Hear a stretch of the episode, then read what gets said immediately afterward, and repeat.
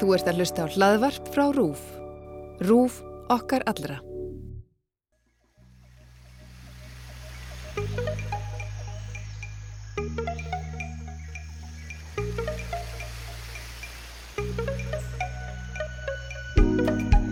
Hill og sæl, kæri hlustandi, hér er komið í loftið kostninga hlaðvarp RÚF X21. Ég heiti Guðmundur Pálsson Ég heiti Guðmundur Björn Þorbjörnsson Og ég heiti Holmfríður Dæni Fríðansdóttir.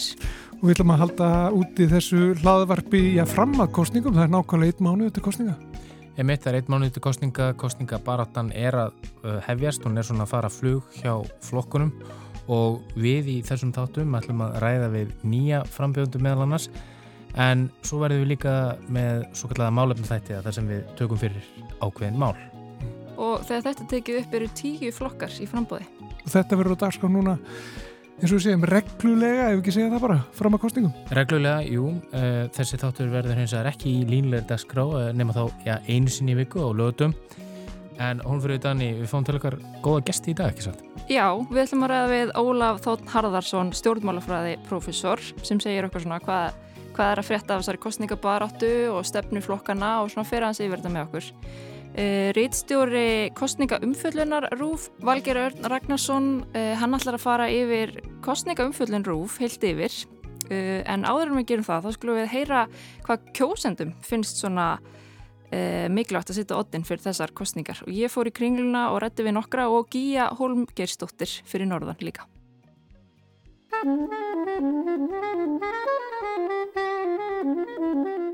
Ég heiti Edda Jónsdóttir og það sem skiptir mig máli er náttúruvend, jöfnuður, innflytjandamál og auðvitað líka þetta sem stóra máli er COVID og hvernig við getum lifað og uh, stutt við bæði helbriðskerfi og, og uh, önnur kerfi uh, innan samfélagsins.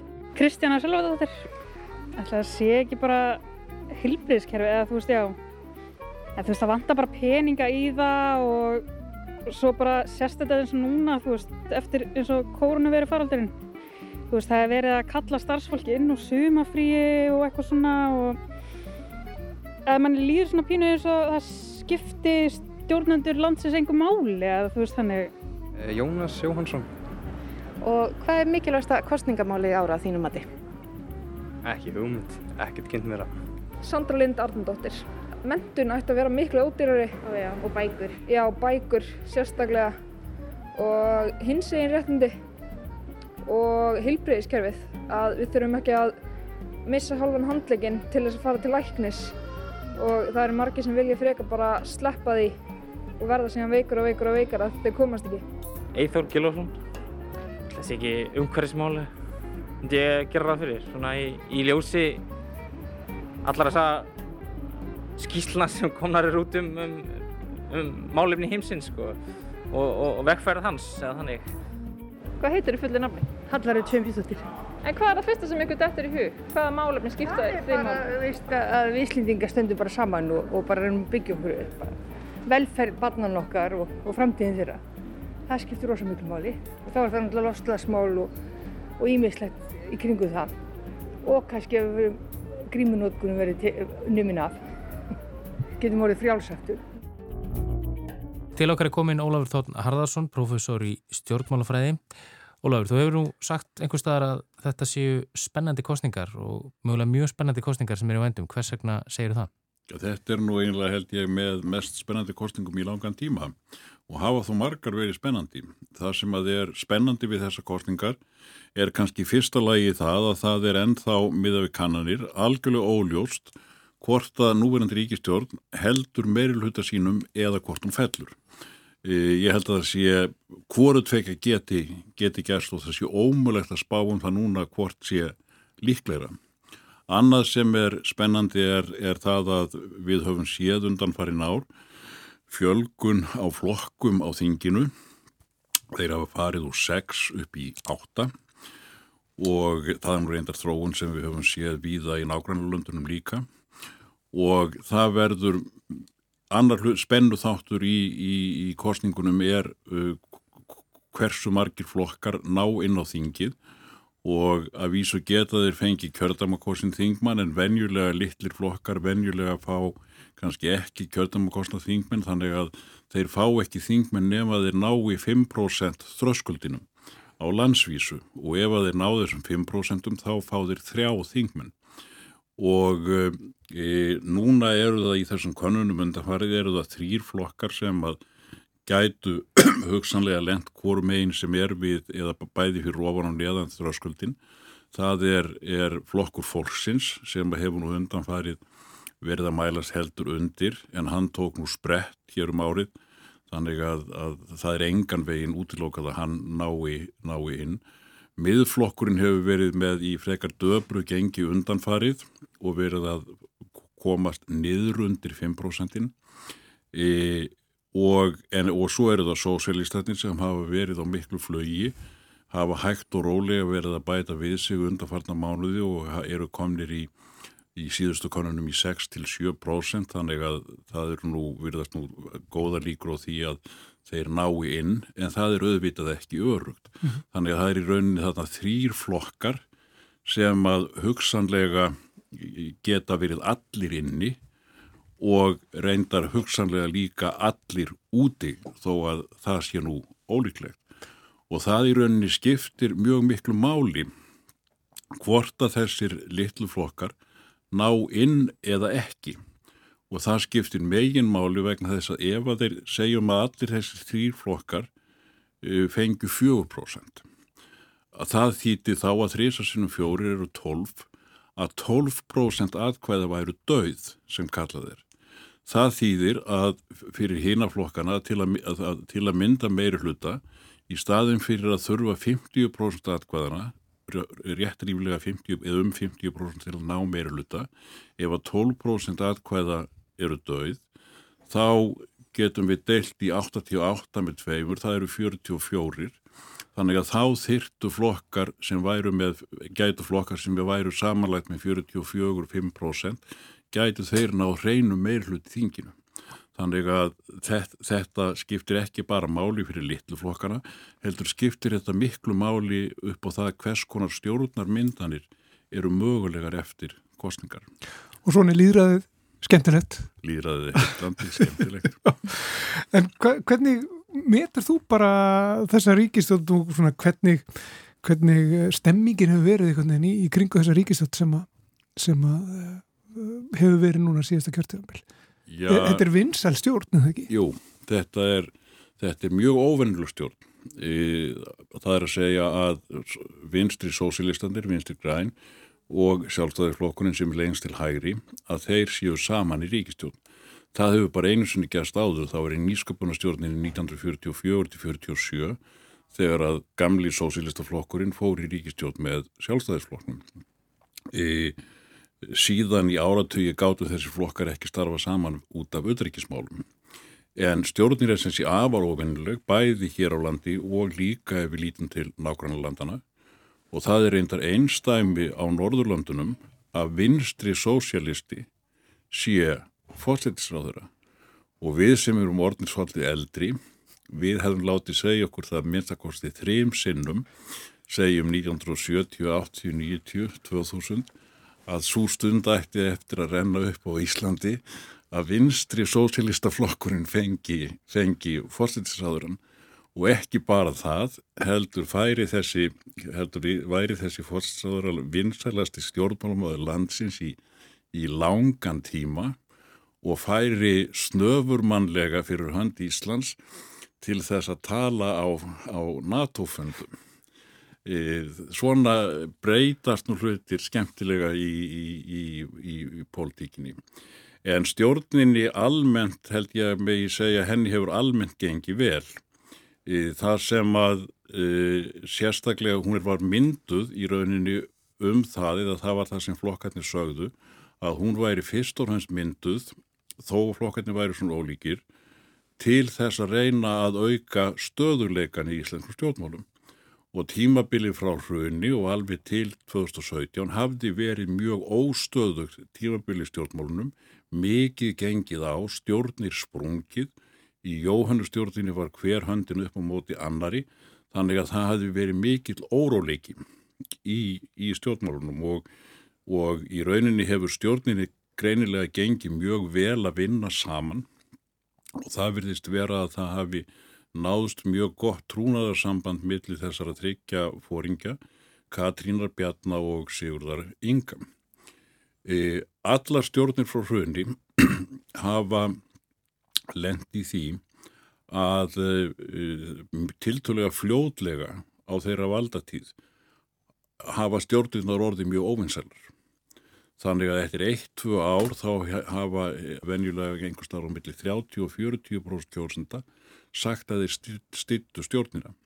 Þessi stjórn var komin niður fyrir 50% og kannski á leiðinni niður að öllu óbreyttu en þá kom COVID og eftir það fór fylgir við ríkistjórnina upp og hefur verið að mælast í kringum 60% undanfarið og það er algjört einstæmi eftir hrun. Þannig að í rauninni má stjórnin að þessu leytir mjög vel við unna. Hins vegar hafa stjórnarflokkarnir samanlagt í konunum verið að mælast minni. Þeir voru um tölverðan tíma svona í kringum 45%. Undanfarið hafa þeir frekar verið að mælast í kringum 50 eða upp undir 50% en eins og ég sagði áðan þá er í rauninni ennþá algjörlega opið burt að þeir halda meirulhutanum eða, eða ekki. Þannig að í rauninni þá hefur þessi stjórn e, í rauninni silt tiltölu að lignan sjó.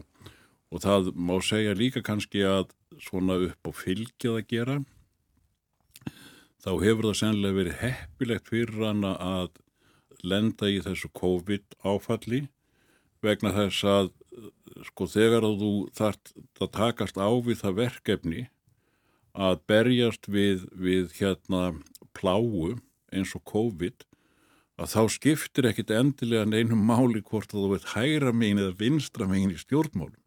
Þetta er svona viðfangsefni annar tegundar heldur en segjum hvort það eigi að vera engar ekstra í heilbriðiskerfinu eða, eða, eða ekki. Þetta er samheilur ofinnur. Þetta er samílegur ofunur, þetta er svona soldið eins og, eins og gerist þegar að þjóðir, þjóðir lenda í stríði og þá eru reyndar gerðnan myndaðar stórar samstipustjórnir, allra flokka eða allra helstu flokka til að berjast við samílegur ofin á svipaðan hátt og núverandi ríkistjórn spannar allt litróf stjórnmáluna. Nú er mánuður þar til Íslendingar flikast á kjörstað. Hvernig finnst þér kostningabaráttan fara á stað? Já, hún er nú valla farin á stað og það er held ég bara eðlilegt. E, það er endar í dag sem að bæði e, samfélkingin og, og hérna, miðflokkurinn er að kynna sínar kostninga áherslur. E, ég held að kostningabarátum verði bara snörp, stutt og snörp, stendur í mánuð eitthvað svo leiðis og við höfum ími stæmi frá útlandum um það að kostningabaróttur séu ekkit lengri heldur en, heldur en þetta. En hver eru þá svona stærstu málinn? núna Já, það, það er nú ekki gott að segja sko, það er nú venilega þannig í kostningum að eitt af því sem stjórnmáluflokkarnir er að gera í kostningabaróttu er að reyna skilgreina um hvað snýst kostningabaróttun því að við vitum þá úr kostningaransóknum að kjósendur líta svo á að sögumir flokkar og ekki endilega þeirra flokkur að sögumir flokkar séu bestir á tilteknum álefnarsviði og aðrir flokkar séu bestir á einhverju öðrum hálöfnarsviði. Þannig að ég mann til dæmis fyrir einhverjum árum þá, þá voru miklu miklu fleiri sem að töldu að vinstri græn væri með bestu stefnuna eða bestir í umhverfismálum heldur en kursu þá. Og sjálfstæðiflokkurinn oft verið talin upplugur varðandi efnahagsmálinn. Þannig að ef að staðin er svona þá vilja vinstri græn náttúrulega þetta snúist að kostningaborðan snúist um umhverfismál en sjálfstæðiflokkurinn á hann snúist um efnagasmál og þess vegna er þetta svolítið slagur, þetta er kallað issue ownership á útlensku eða hverjir eiga hvert málaflokk. Þannig að það er svona áhugaverðu slagur hvaða flokkum tekst að koma sínu málum í kjörstöðu En svo eru, vantilega, svo eru náttúrulega þessi mál sem eru all, allara vörum eins og heilbreyðsmálin. Jú, það er þó, þó að þeir reyna að koma sínum málum á framfæri að þá náttúrulega eru tiltekin mál sem eru miklu líklæri til þess að verða kostningamál heldur en önnur.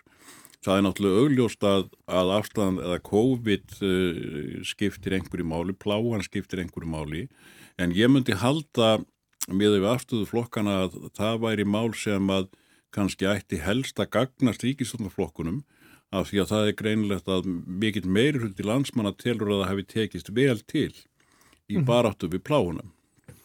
E, heilbriðismálin eru líklega til þess að verða líka átakamál og það er reyndar mál sem hefur verið umtalsverður spennu valdur innan ríkistjórnarinnar þar sem að eh, sko sjálfstæðisflokkurinn leggur áherslu á meiri engaregstur í eh, helbriðistjónustunni sem að vinstri græn vilja alls ekki fallast á og vinstri græn hafa reyndar verið ásökuð um það að vera að færa íslenskara helbriðiskerfið yfir í, yfir í einhvers konar marxíst helbriðiskerfi þó að mér sínist nú að, að Svandís hafi nú ekki gert mikla breytingar í rauninni á kerfinu. Það er áfram, við erum áfram með blandað kerfi þar sem að ríkisreknir spítalar eru ryggjastykkið en tölverður engaregstur hins vegar með.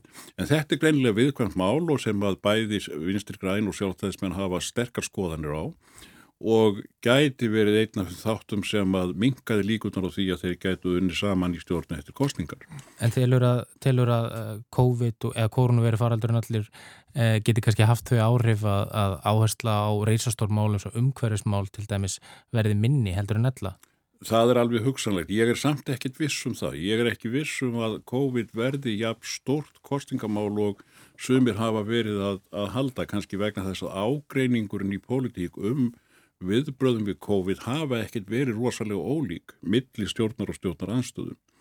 En lofslagsmálin munu áraðanlega koma inn. Ég sé í dag að, að samfélkingin ætlar að leggja mikla áherslu á lofslagsmál og í rauninni gerðist það í, í síðustu kostningum í Danmörku að í fyrsta skipti urðu lofslagsmálin helsta mál kostningana og Rauðablokkin vann þar. Sósildemokratin lögðu miklu áherslu á lofstasmálinn og uh, uh, kjósendur töldu að þau hefðu verið mikilvægast að mál kostningana. Nú, fleiri mál sem á nefna eru sjávarútsmálinn sem mér finnst mjög líklegt til dæmis að viðrist muni reyna að, að leggja áherslu á og þau eru náttúrulega umdilt. Ég orðaði það nú þannig fyrir, fyrir nokkrum nokkrum vikum að, að um, sko ímsir flokkar hefðu reynd að koma uh, sko uh, hérna deilum eða umræðum um, um fiskviðistjórnunina í almeinlega inn í umræðuna því að það er svo merkilegt að, að þó að við, þetta kvótakerfi hafi á mjög margan háttur einst Íslandingum mjög farsælt í þeim skilningi að útgerðin hefur orðið hagkvæm og líka hefur tekist að venda fiskistofnarna frá því að þetta kerfi var tekið upp á, á nýjunda áratug síðustu aldar en samt smáður eftir allan þennan tíma sína allar kannanir að mikill meiruluti þjóðarinnar er á móti þess kvotakerfi í þeirri mynd sem að, það er núna af ýmsum ástæðum. E, hins vegar hefur þetta í rauninni ekki orðið mikið kostingavál nema frjálstindi flokkurinn reyndi að að, að setja þetta vattin í, í kostningum 1999 og, og árin þar á, þar á eftir en hann varð aldrei stór flokkur. Og með þetta sem sé í, í farteskinu og sérstaklega sem ég ætlaði nú að segja var að kannski hafi samherja tekist að koma þessu máli þannig á dagskraf síðustu mánuði að, að þeirra framganga hafi auki líkurnar á því að þetta verði, verði, verði kostingamál Eh, en eins og ég segi, einhverjir flokkar munu vilja setja það á, á otin. En núna eru flokkarnir náttúrulega vekja aðtikla á sér og, sínum málefnum og, og það eru til dæmis þessi stórum mál sem hún nefnir núna. En þeir eru líka, sko, við eru líka að sjá fóríkja stjórnmálaflokkarna hoppið í hoppukastala.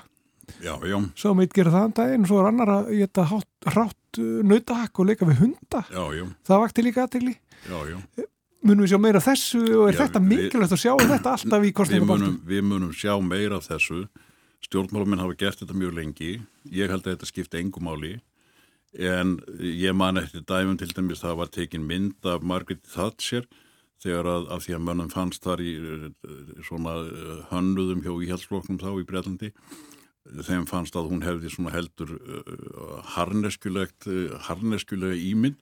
Þannig að það var tekið mynd af henni með kálf í fanginu. E, annars sem ég mann eftir var er, er hérna hann, hann, hann Pól Nýrúb Rasmussen sem var fórsettisáður af sósildemokrata í Danmörku á árunum eftir 1990 það var tekið mynd af honum og því þá voru menn að leggja meiri áherslu á helsu, helsusamlegan lífstíl og hjólriðar það var tekið mynd af honum e, þar sem hann var með hjóli sitt og með hjálm. Vandin var hins vegar sá að eh, Rasmussen, Nýrúp, Nýrúp Rasmussen, eh, hann eh, er frekar höfuðstór og hjálmurinn var allt og lítill. Þannig að það byrtust forsýðumyndir í öllum dönskum blöðum sem að gerðu fórsýttis á þeirra hlægilegan og ímsir heldu að þetta myndi nú verða til þess að kröðunum gengi illa í kostningunum út af þessu en auðvitað hafði það engin áhrif, mm -hmm. nákvæmlega engin áhrif. Við höfum einmitt séð einmitt að því hún nefnir sko þatsir, við höfum séð Boris Johnson einmitt í svona alls konar stellingum, hangand úr einhverjum vírum og... Hann gerir út af það að vera, vera, vera öðruvísi í, í framkomu og en, en eins og ég segi, sensi, svona, menn gera oft úr svona persónu einkennum leðtóana en rannsóknir benda ekki til þess að, að persónu einkenni af þessu tægi til dæmis hvort menn séu, séu hérna sætir eða ekki sætir að, að það hafi, hafi áhrif á, á kostninga úrslit eða gengi og reyndar sem er líka mjög merkilegt er það að vinsældir stjórnmálafóringja þær skila sér ekkit endilega í kjörkossanum. Við höfum dæmi um mjög vinsæla stjórnmálafóringja á Íslandi til dæmi Stengrim Hermansson sem var gríðarlega vinsæl og núna Katrínu Jakobsdóttur sem að er, er þar sem að núna segjast um helmingur kjósenda vilja að hún verði áfram fórstinsráðra en samt eru það ekki nema 10-15% sem ætla að kjósa flokkinunnar og eindanlega vegna þess að þeir eru bara ekki sammála öllum stefnum yðum vinstirgræðina eða meira sammála einhverjum öðrum flokkum heldur en, heldur en, heldur en vinstri grænum og í rauninni gerðist það sama með Stengrím, hann var vinsældir, hans voru miklu meiri heldur en vinsældir framsögnumflokksins þegar hann var formadur. En hvað þýðir þetta fyrir Katrínu? Er, er hún ekki með öll tromp á hendi sér að mun hún verða næsti fórsættisráðara? Hvað þýðir þetta? Já, mér hefur nú fundist að var líklegt að hún verði næsti fórsættisráðara og í rauninni hef ég lítið svo á að hennar staða þar að sé ef kostningaúslitin verða eitthvað svipuð og, og þau eru núna og kannanir eru núna að þá sé hún í algjöru líkil stöðum og e, auðvitað skiptir máli hvort að núverandi ríkistjórn heldur vellið ekki ef hún heldur velli þá er það auðvitað eitt kostur hennar að halda áfram í núverandi stjórnarhanstarfi en hún hefur fleiri kosti, hún getur líka myndað uh, sko, með vinstri stjórn til þess sýrti fjóra eða jæfnvel fimm flokka en það er, það er, er líka möguleiki. Þannig að, að ég held að líkunar á því að hún verði áfram fósettisráð þeirra eftir kostningar séu yfirgnafandi þó það séu auðvitað ekki eini möguleikin. Ef að stjórnin heldi nú meira hlutanum og Katrín færi í í stjórnarmyndunar viðraður við flokkana sem eru meðin í ríkistjórn og það væri nú helst kannski ágreiningur þá milli vinstri grætna og sjálfstæðisflokksins því að þeirra stefnur eru náttúrulega ólíkastar. Og segjum til dæmis að sjálfstæðisflokkurinn vildi uh, hafa meiri áhrif og stefnuna í heilbriðismálum sjálfstæðisflokkurinn vildi til dæmis fá heilbriðisráðunetið eða vildi setja í stjórnarsáttmálana það er því aukin engavæðing í heilbriðiskerfinu að þá er Katrin í rauninni í bísna góðri stöðu til að segja bara við Bjarnar Beindursson kemur ekki til greina Bjarni. Ef að þú ætlar að heimta þetta þá mynda ég bara stjórnker á miðjunni og til vinstri. Þá náttúrulega sko, íslenskir flokkar hafi verið mjög stjórnsæknir Þeir hafi verið svona gráðugri í það að fara í ríkistjóttir heldur en flokk, margir flokkar hér í, í nákvæmlega löndunum. Þannig að eh, sko sagan segir okkur að flokkar hafa nú verið tilbúinri til að gera miklar málamiðlanir varðandi sín stefnumál til þess að, að komast í, í ríkistjóttin. Ólafur, þú talar á þannig um þessa, þessa litlu flokka og, og þessi atkvæði sem getur uh, dottið dauð eða verið já, í rauninni e, gert það að verkum að, að stærri flokkarnir þurfa þá ekki að ná ákveðinu brósundutölu um, Þetta er orðin, orðin í rannsið margir flokkar og þú komst inn á það líka að þeim, þeim hefur fjölgað. Mm -hmm. Við sjáum uh, miðflokkin, við sjáum flokk fólksins, sósælistaflokkin og nú síðast uh, frjálfslinda líðræðisflokkin. Mm -hmm. Hvað veldur því að, að þessi litlu flokk, að, að það eru svona margir litlir flokkar að þínum að því flokkar sem kannski geta saminast um mörg mál eins og eins og ég heyrði formann um, frjálfslinda líðræðisflokk sem segja að, að hann tældi að þegar kjósendur kemur mest úr miðfloknum og flokki fólksins. Mm, já, jú. Sko, það er kannski rétt að hafa, fyrst að hafa í huga að þessi þróun sem hefur orðið hér, varðandi fjölgun flokka, er ekki sér íslensk þróun. Við höfum séð það sama gerast hér í nákvæmlega löndunum í Svíðþjóð sem var nú lengi alveg rosalega stöðugt flokkakerfi. Það hefur líka fjölga flokkum í Noregi, það hefur fjölga flokkum í Danmörku og víðar og í rauninni það sem gerir þetta mögulegt er nú í fyrsta lagi kostningakerfið. Það er að segja hlutfallskostningar. Það er að segja litlir flokkar hjá okkur þeir sem ná 5%, í Noregi þeir sem ná 4%, í Svíþjóð þeir sem ná 4% og í Danmörku þeir sem ná 2%, að þessir flokkar geta eða komast inn á þingið. Þannig að, að það er ekki sá kvati vegna kostningakerfisins að vera bara með tvo eða þrjá stóra flokka og e, þróunin hins vegar sko við höfum haft kostningakerfin, hluthalskerfin lengur heldur en á þann tíma sem að flokkunum varði að fjölga. Þannig að hvað hefur í rauninni breyst?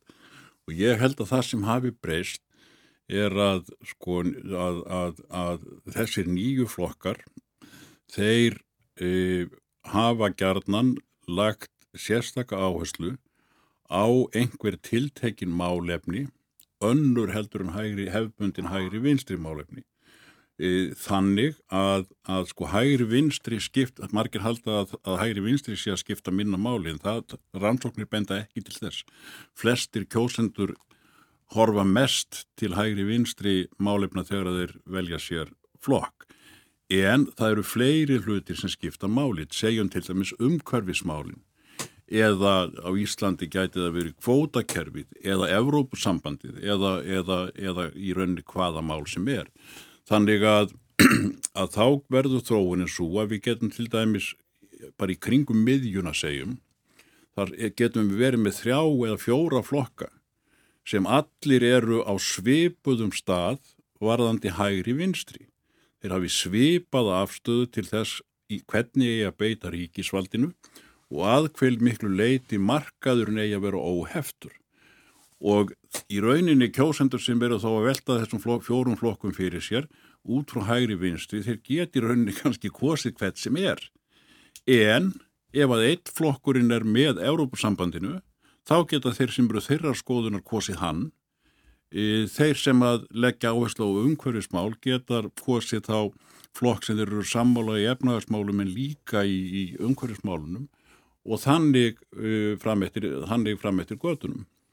Þannig að í rauninni eru fá sko, fleiri flokkar og minni flokkar hafa þann kost að fleiri kjósendur geta í rauninni fundi flokk sem er sammálaðum um fleiri mál heldur en ef að það eru stórir flokkar sem að, sem að þeir verða að kjósa út af, út af einhverju málinu.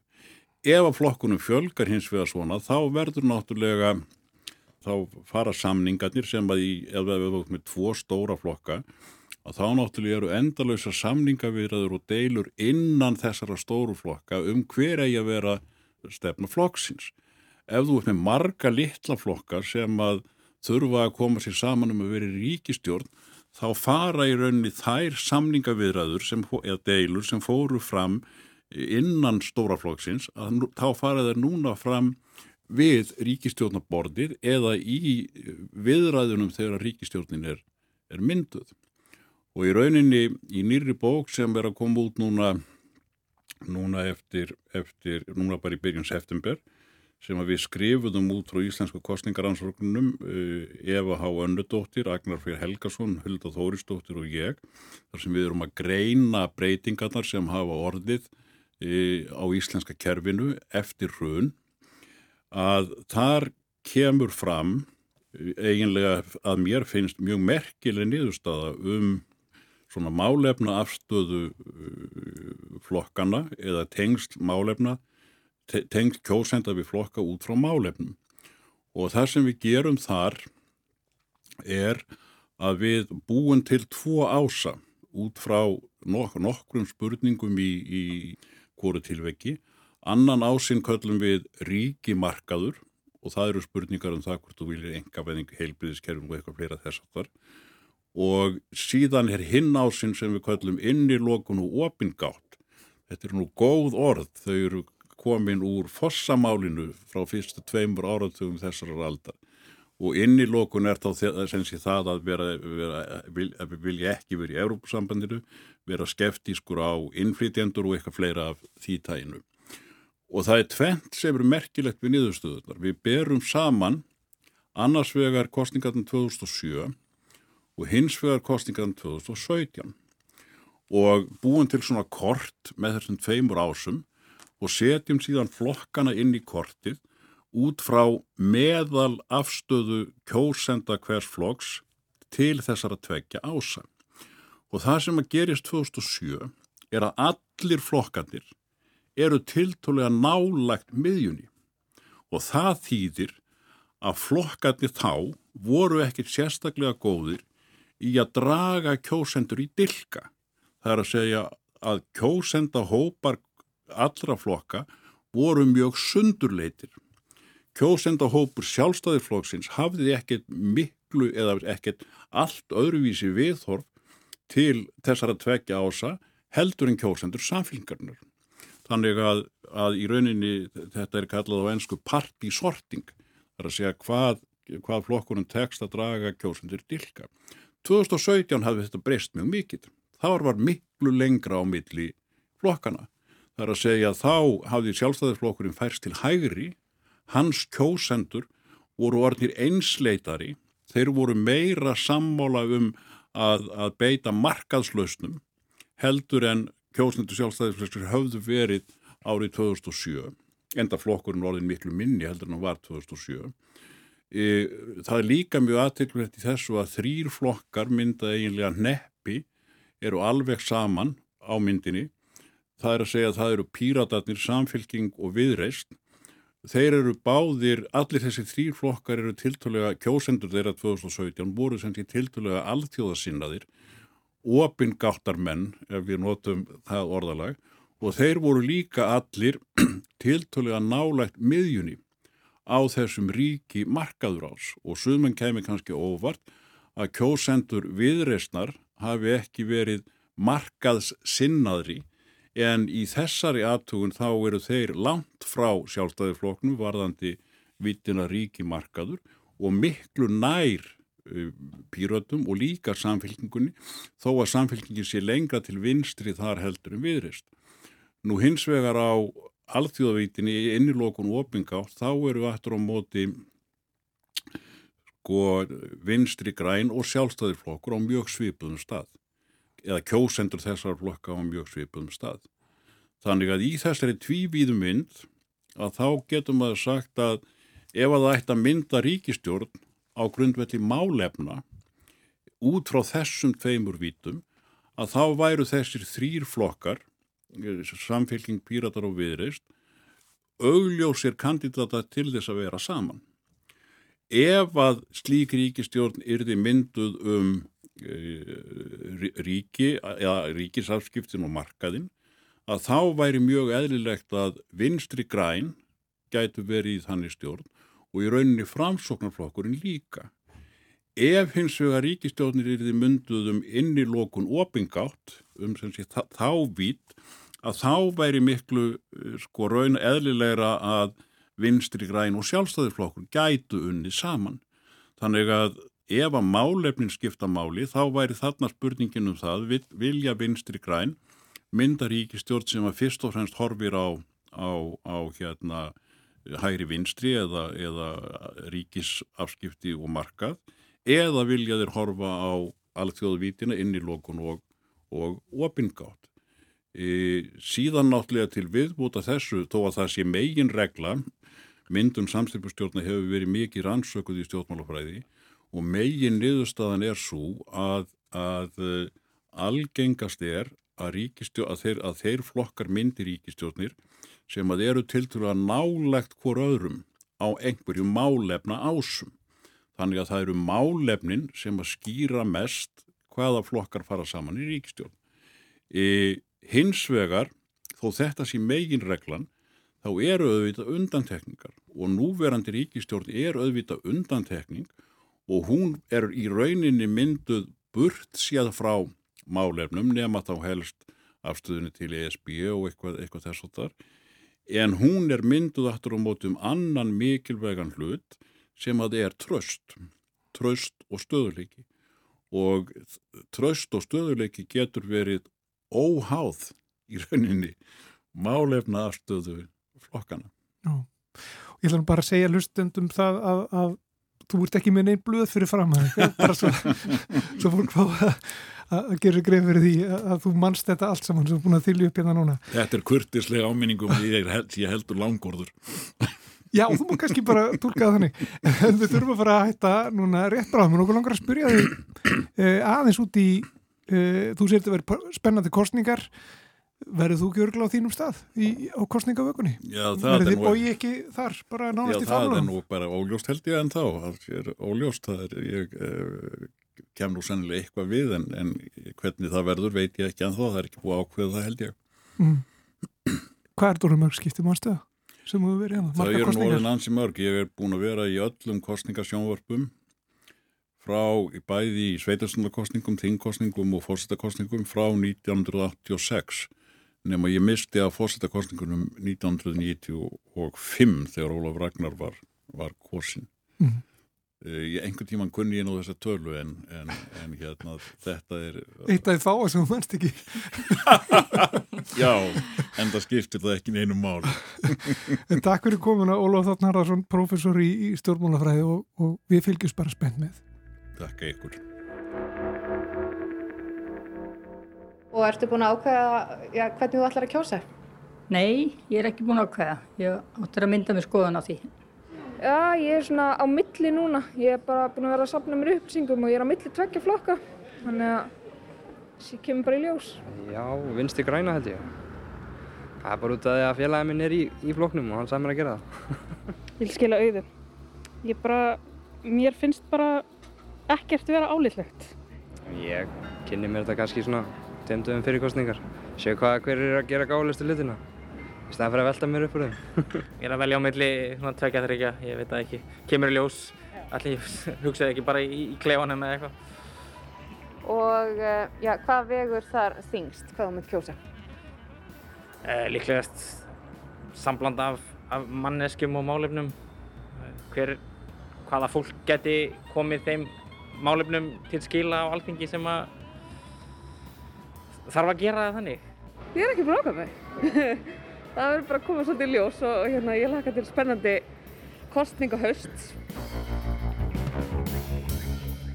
Valger Örn Ragnarsson, rítstjóri kostninga umfjöllunar RÚF. Hvernig verður þessi umfjöllun? Já, hún verður alls konar. Það er náttúrulega, það má segja að þessi þáttur sem við erum í núna sé svona fyrsta sem að er svona já, formleg hérna, kostninga umfjöllun okkar. Eh, við erum ofnun í hann kostningavef kringum mánaðamótin, það er færið mikil vinna í hann, þar verður alls konar skemmtilegt. Sem við kannski förum yfir nánar. En svona fyrsti stóri sjónvastátturinn hann er eh, 31. ágúst. Þá mætast littóar tíu frambóða sem hafa hérna, líst yfir frambóði og skila frambóðslistum og uppfyllt þau skilir þeim í sjónvarsal og það er í betni útsendingu. Þá hérna, það eru fyrri svona liðtóa umræðinar af tveimur og þá ætti svona ættu línur að fara að skýrast svo erum við með alveg hérna heilmikla aðra umfjöllun. Það eru að rást tvö. Verða kjördama þættir í hverju einasta kjördami þar mætast oddvitar allra flokka. Við verðum með þrjá þætti sem að vera sendir hér út í efstaliti kjördæmunum hérna í kringum höfuborgarsvæðið svo verðum við í Borganesi, Akureyri og Reykjanesbæ og sikvað fleira. Svo er þetta fóristusætið það eru eins og staðinni núna tíu fórustumenn flokka sem að koma í sjómasviðtal, ítalegt sjómasviðtal, þar sem að e, þeir eru spurður út í og þau eru spurður út í sína, sín stefnumál og, og hérna hvernig hefur gengið og hvað þau ætla að gera. Og hvernig fyrir það í loftið? Fyrsti þáttur fórustusætisins er 7. september.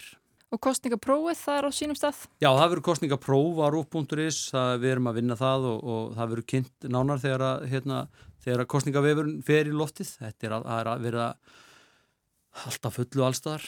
Já, þetta er, er svolítið sprettur. Já, svona tarnavinna núna. Já, og svo bara vissla, náttúrulega, á, á kjördag. Þá er kostningavaka. Já, kostningavaka. Hún já. er hefbundin. Já, það er hérna bara undirbúningur náttúrulega hafið fyrir hana. Við erum búin að vera vinna nýja grafík og smið, sviðsmynd og, og, og það verður bara, já, ekki segja líðræðis vissla. Ljóðum það ekki vel. Það líðræðis vissla valgir og þú ert að undirbúa þessa visslu, þú ert að hræri bóttunum, þú ert að blanda dríkina fyrir líðræðis vissluna. Hvernig hérna, sko, ég kíkta á okkur hérna niður, þú ert eh, með aðstöðu þar, þú ert í kjallaranum Já. og það er engin gluggi á herbygginu sem þú ert í, það er loftrasting, uh, einhver loftrasting. Já, einhver. Er mikið drukja kaffi og, og svona, hvernig er heilsan? Já, sko það er mikið drukja kaffi og svona í svona skorpu vinnu eins og svona undirbúningu kostningaumfyllunar er, það er ágætt að vera gluggalösa herbyggi, maður veit ekkit sko hvort er nóttið að dagur, þú veist, ef út í það er farið. Þetta er alveg svona kjöri rými þar sem maður bara veit ekkit hvað er að gerast í kringu sig og það er bara fínt að hjóla í verkefnin hættan nýri. Mm -hmm. En talandum um mitt líðræðisvislu, það að vera reitstjóri kostningaumfyllunar, já, þetta er náttúrulega, þá þarf þetta að huga hansi ansi mörgu, þar sem að það eru náttúrulega ákveð margir flokkar í frambói og við verðum náttúrulega að geta fyrsta hlutleysis og það þurfum allir að fá jafna umfyllin ekki satt og það þarf að passa þetta mjög vel. Jú, það er náttúrulega svo skilda kvílir á, á rúfa að allir fái hérna e, tækifæri til þess að koma sínum málum á framfæri og, og eins og ég nefndi það er öllum bóðið í fórstu sætið sem að bjóða fram í minnstakosti einu kjördæmi og að fengi listabókstaf sama á við um kjördæma þættina. Og svo er flokkum líka bóðið að senda einn kynningarefni sem verður sínt, fjara mínúta kynningarefni sem verður sínt í sjónvarpinu eftir tíu fréttir frá miðjum mánuði. Þar geta flokkarunir bara kynnt sig og bara framleitt sín eigin myndbönd. Og það gildir í aftum alla og við til þess að gæta jafnbræðis þá var dreyðum í hvaða röð viðtöl byrtast hvort sem það er fórustusætið eða þetta hlaðvarp eða, eða annað. Þannig að við hérna, reynum að uppfylla þær skildur alla saman. Þetta er æsi spennandi Valger Ragnarsson rittstjóri kostninga umfyllunar Rúf Takk fyrir þetta. Já, takk fyrir mig. Góða skemmtun. Sumleðis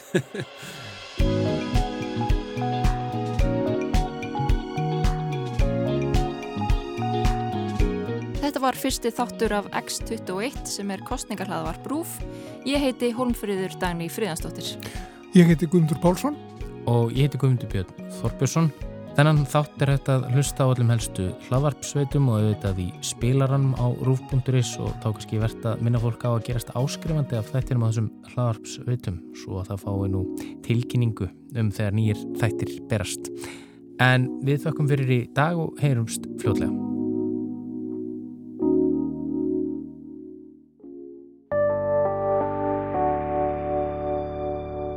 Rúf okkar allra.